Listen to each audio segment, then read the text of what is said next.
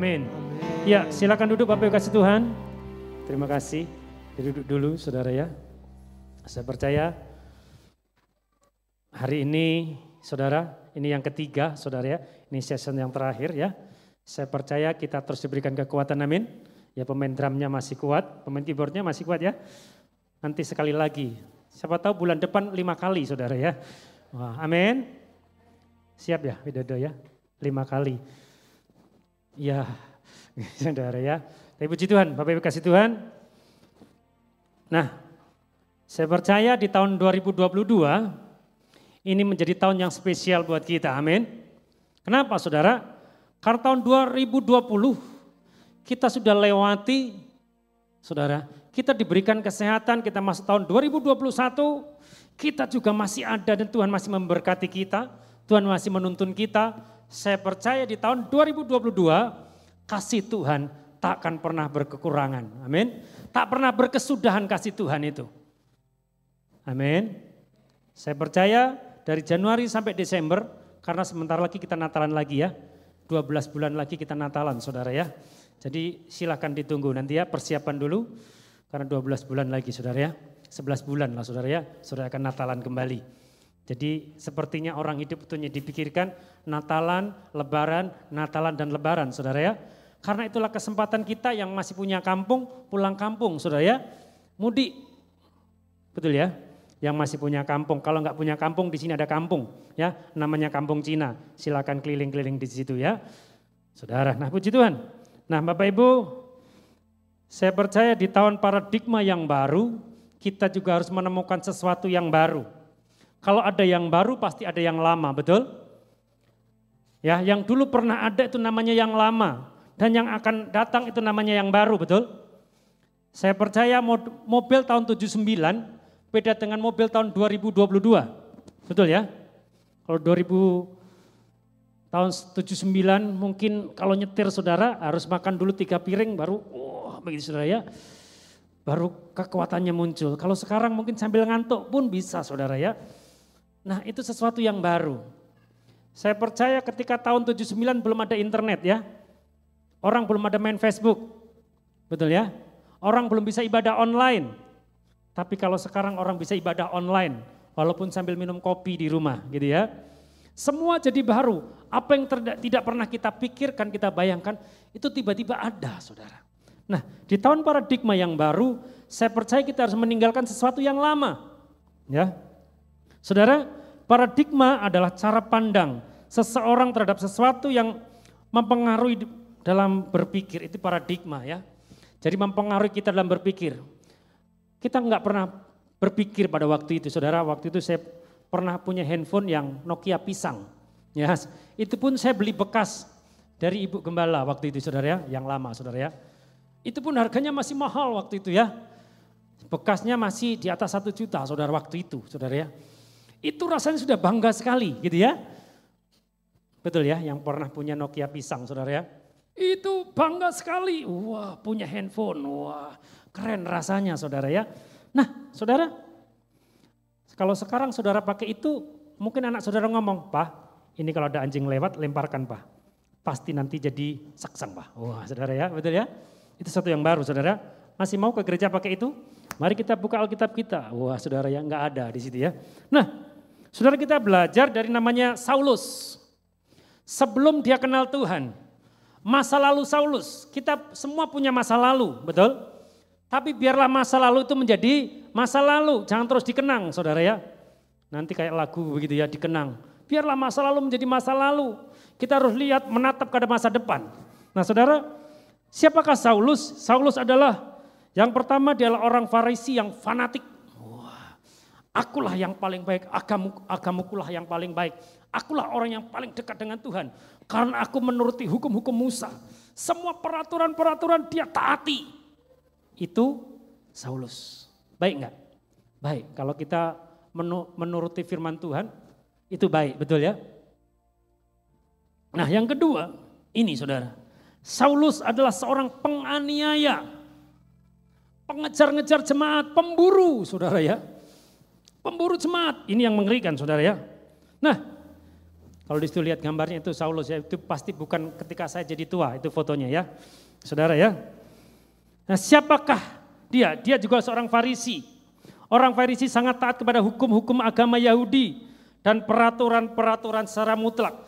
Dia lakukan semuanya, hukum-hukum Taurat dia lakukan semuanya saudara.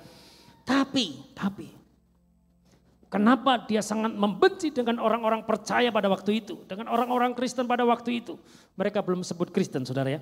Orang-orang percaya pada waktu itu, mereka begitu benci. Kalau lihat mungkin saudara ya, kalau bisa aku telan lagi kau ya, ini saudara ya. Saking bencinya sambil menggigit, oh, kalau lihat orang marah, saudara, sambil giginya digigit begitu saudara, saya pikir mungkin orang itu memenelan. Nah, makanya dia berkata saudara ya, dia begitu benci kita buka dalam kisah Rasul pasal 9. Kalau saudara slide-nya di situ ada, jadi saudara nggak buka Alkitab pun mungkin ada, tapi bisa dikoreksi. Kadang saya juga pernah salah, saya dikomplain, ayatnya salah saudara ya. Kisah Rasul 9 ayat 1 sampai 2. Sementara itu, ini Paulus, Sementara itu kobar-kobar hati Saulus untuk mengancam, saudara ya, dan membunuh murid-murid Tuhan.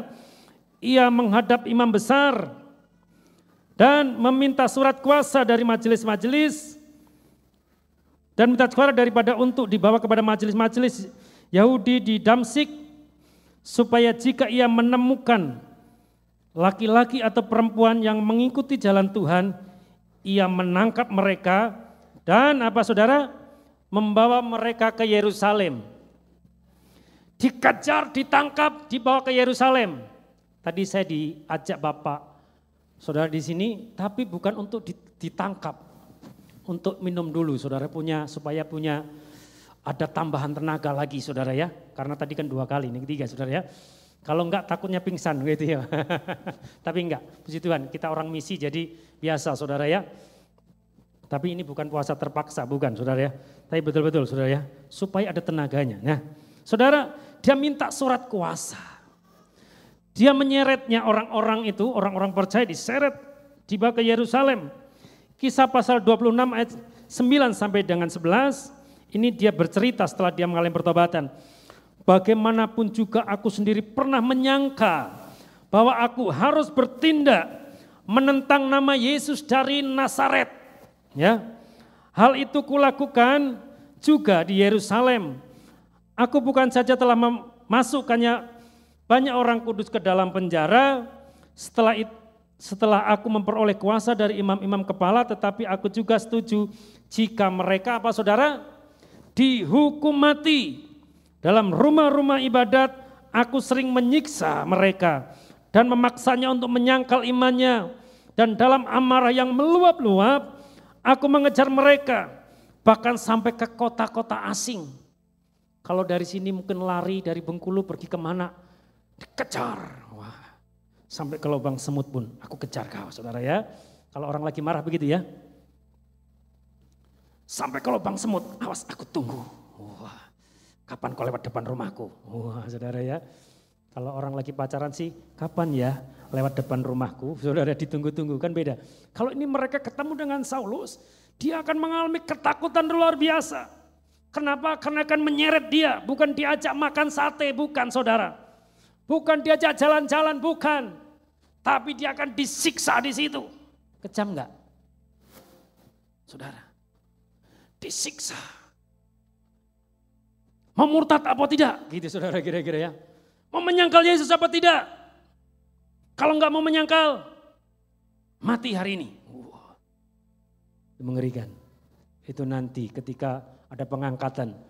Saudara ya ketika saudara tertinggal, Ya, sound sistemnya ketertinggal semua. Kalau saudara ada tertinggal, nanti akan mengalami namanya aniaya besar. Ya, saudara makanya jangan mau ada yang tertinggal, amin. Mau nanti diangkat kita ke surga sama-sama? Atau mau ketinggal di sini aja? Di sini aja lah, dingin gitu ya. Saya main musik sendiri kan, selama ini saya mungkin belum kesempatan main musik, biarlah saya ketinggalan aja, saya tak main keyboard sendiri, nyanyi sendiri, ibadah sendiri, saudara ya. Jangan, saudara ya. Nah, saya nggak bahas itu saudara, nanti kalau ada waktunya khusus saudara ya. Nah, bahkan dia berkata begini, setuju kalau orang ini dihukum mati. Nah saudara, bayangin ketika mereka sedang beribadah diseret mereka keluar. Sangkal, sangkal nama Yesus. Kalau nggak sangkal awas kau. Wah. Tak kasih ketupek Bengkulu pertama. Sudah tahu ketupek Bengkulu? Jangan mau ya makan ketupek Bengkulu saudara ya. Nanti babak belur saudara ya. Tapi kalau sudah minum air Bengkulu, saudara ya, pasti saudara akan kembali ke Bengkulu. Ya. Saya 25 tahun yang lalu ke Bengkulu, saudara ya. Dan akhirnya jadi orang Bengkulu sampai hari ini ya. Jadi saya ini sudah 25 tahun, baru 25 tahun. Kenapa? Karena ada orang yang di sini sudah 30 tahun, 40 tahun, 60 tahun, saudara. Kalau saya baru. Kadang orang bertanya, saya dari Jawa, saudara ya. Orang bertanya, baru enggak di sini? Saya bilang baru 25 tahun, saudara ya. Kan bah, baru, karena ada yang sudah di sini 60 tahun, 70 tahun, berarti begitu lama mereka saudara. Nah saudara, ini yang terjadi. Mereka menyiksa, waduh ini yang mengelikan ya. Itu namanya manusia lama Paulus, Saulus. Saulus, saudara tidak harus ganti nama ketika saudara bertobat, betul? Kalau namanya dulu Jono, wah saudara ya, sudah bertobat dulu tukang menganiaya jemaat sudah bertobat namanya Joni. Wah saudara, enggak, ini Paulus saudara. Ada perubahan. Ketika apa? Ketika ada roh Tuhan berkuasa. Ada sesuatu yang menyentuh dia. Makanya ketika orang tidak bisa bertobat saudara, susah bertobat. Kita hanya bisa berdoa dan berkata, Bapak sentuh hatiku, ubah hidupku, menjadi yang baru. Betul? Bagai. Bisa nyanyikan puji itu? Bejana hatiku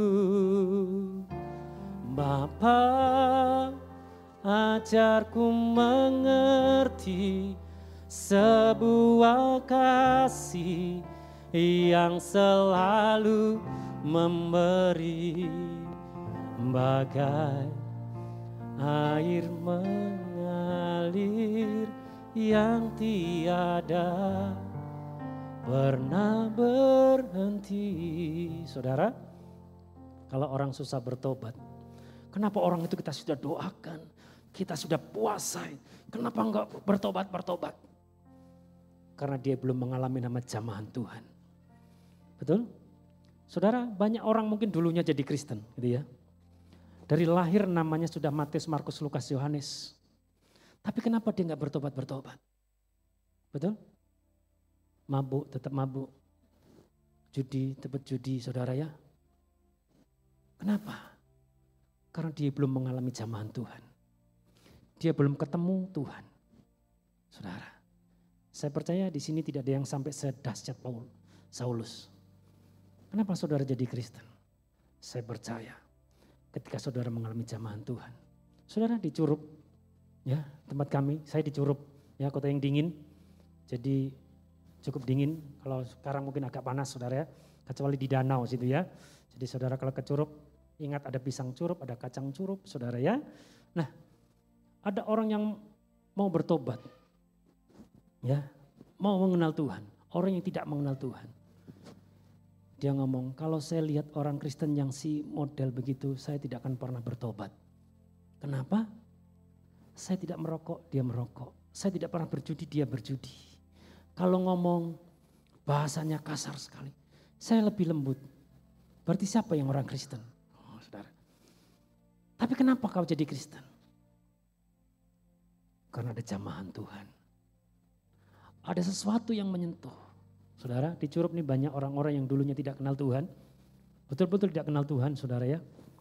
Gak usah disebutkan ya, nanti gak enak, saudara ya. Nah itu tiba-tiba Tuhan jamah. Satu keluarga. Satu orang diselamatkan, maka seluruh isi keluarga diselamatkan. Dari mana?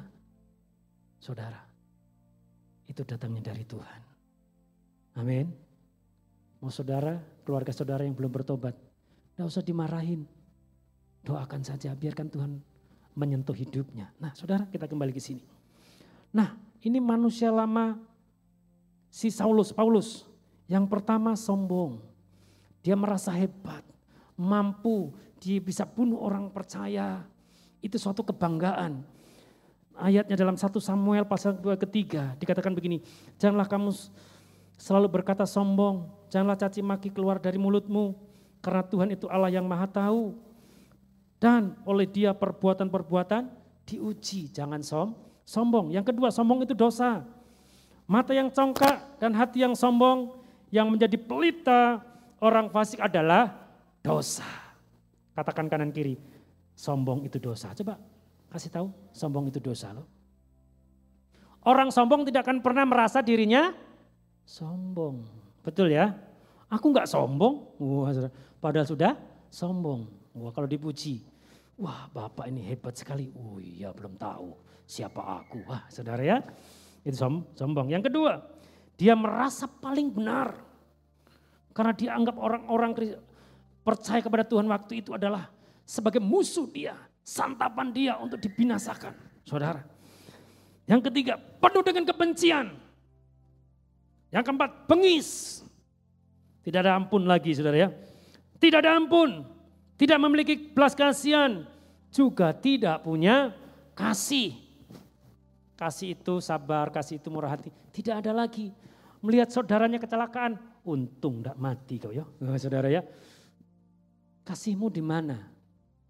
Ya, ada saudaranya celaka. Eh baru celaka sekali, besok kalau kedua kali juga tidak apa-apa, masih kuat kamu kan. Saudara ya, kasihnya di mana? Bukan ditolong. Nah saudara, itulah. Tapi dia setelah jadi orang percaya, apa yang terjadi saudara? Filipi pasal 3 itu Jun 8. Tetapi apa yang dahulu merupakan keuntungan bagiku, sekarang kuanggap rugi karena siapa saudara? Yesus Kristus. Malahan segala sesuatu kuanggap rugi karena pengenalan akan Kristus Yesus Tuhanku lebih mulia daripada semuanya. Oleh karena dialah aku telah melepaskan semuanya itu dan menganggapnya apa saudara? Sampah supaya aku memperoleh Kristus. Sampah itu baik enggak saudara? Kecuali sampah plastik saudara ya. Kalau sampah plastik bisa didaur ulang dan dijual gitu ya. Tapi pun saudara tidak akan pernah menyimpan di rumah saudara sampah banyak-banyak. Ini sampah mahal. Kecuali ada sampah dari surga emas gitu sudah dikirim ke rumah saudara jatuh satu kilo kira-kira gitu ya. Kan surga itu lantainya dari emas. Tapi jangan menghayal itu tidak mungkin saudara ya. Saya dapat sampah apa itu? Emas 15 kilo. Ya ini bukan sampah saudara ya. Kalau emas di mana pun ditaruh pasti harganya mahal betul ya. Beda dengan keset saudara ya. Semahal apa pun keset tidak akan pernah ditaruh di lemari bahkan dipajang ini keset paling mahal. Aku taruh, saudara enggak saudara ya. Kalau ada yang seperti itu, waduh ini keset saya, saya beli mahal. Jangan diinjak ya, saudara ini berbeda ya. Nah saudara, jadi dianggapnya sampah apa yang kebanggaan dia dulu. Wah yang merasa dirinya hebat, merasa dirinya benar, merasa dirinya penuh kuasa. Ternyata itu sampah. Ya. Bahkan kalau saya pasal 3 ayat 8 saya 10 gini. Dia katakan ini, tetapi sekarang buanglah semuanya ini yaitu apa saudara? Marah, geram, kejahatan, fitnah, dan kata-kata kotor yang keluar dari mulutmu.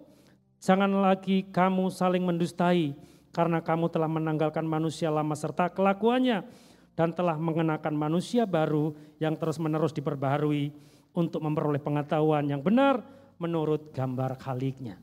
Saudara, jadi kalau Paulus yang dulu namanya Saulus, hidupnya seperti itu saudara. Kira-kira kalau zaman sekarang saudara ketemu orang model seperti itu, berani enggak saudara ke gereja? Mungkin kalau saudara lihat orang seperti itu dia bawa mobil jalan 60, saudara pasti akan injak gas jadi 120 saudara. Supaya tidak terkejar. Betul ya? Apalagi di jalan tol ya saudara ya. Bengkulu sementara ke jalan tol. Kemarin Mas Widodo jalan itu ya. Jalan layang aja jadi tempat wisata saudara ya. Di Bengkulu ada jalan layang ya, jadi tempat wisata rame begitu saudara ya. Nah saudara, wah saking enaknya jalannya lurus. Dari ini kan jalannya baru jadi dari situ saudara ya. Coba aja jalan tol dari Curup sampai ke Bengkulu. Pasti saya berangkatnya kalau disuruh khotbah pagi-pagi saya berangkat nggak malam saudara ya. Berangkat pagi aja kan jalan tol paling 30 menit sampai saudara ya. Orang injak gas 60, kita 120. Wah saudara ya, orang 120 Kita hanya 20 lebihnya saja saudara ya. Ini yang berbahaya. Nah saudara, ini kehidupan Saulus. Apakah itu juga ada pada kita? Ya, sombong, menganggap orang lain lebih rendah. Ya, yang lain itu tidak ada apa-apanya. Bukankah dunia mengatakan di atas langit masih ada langit? Wih, saya ini lebih daripada orang itu loh. Apalagi cuman itu, ah cuman Jeswanto, ah seorang curup. Saya kalau khotbah lebih hebat dari dia. Hamba tuh, bisa nggak kira-kira seperti itu? Bisa. Ya saudara.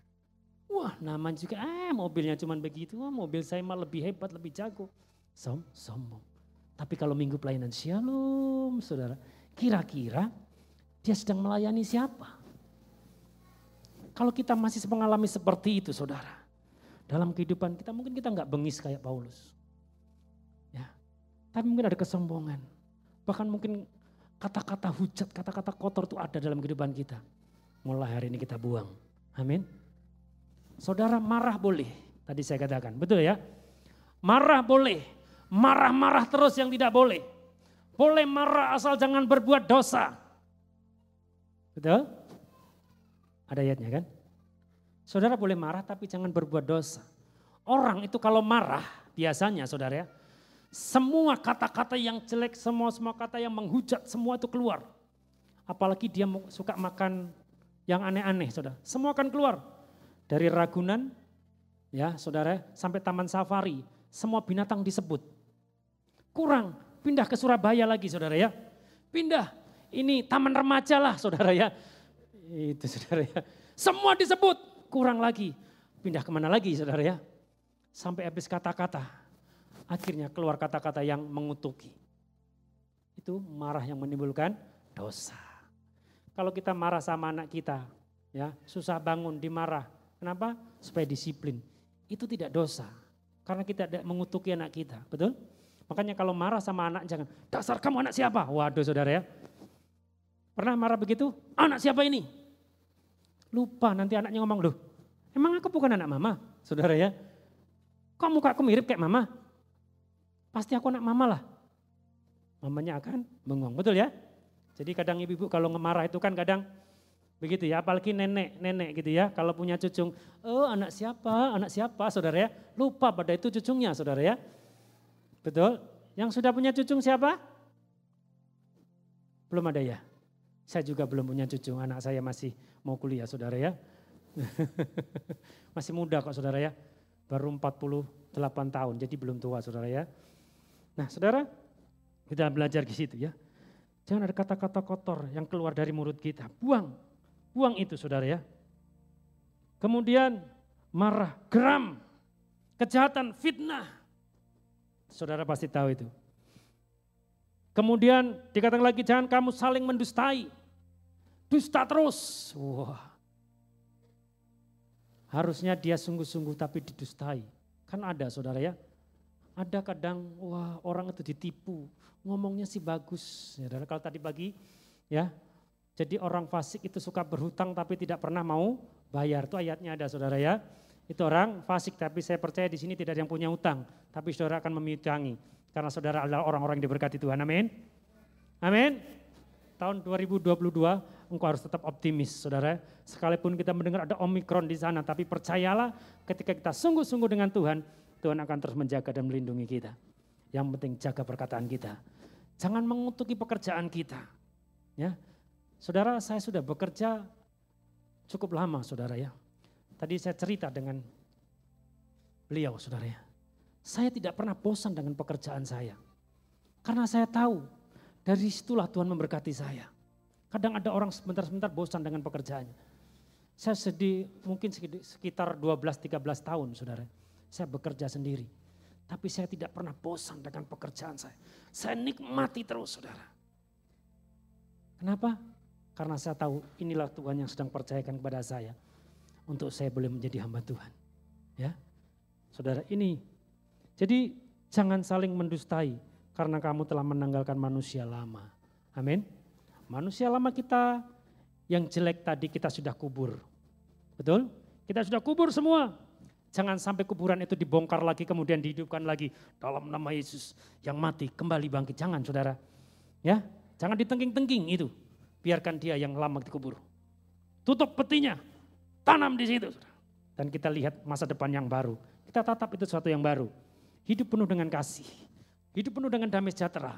Hidup penuh dengan sukacita. Amin. Amin. Mau hidup penuh dengan kasih. Damai sejahtera, sukacita. Bahkan ada kemenangan demi kemenangan yang Tuhan sediakan atas kehidupan kita. Amin. Mari kita tutup Alkitab kita.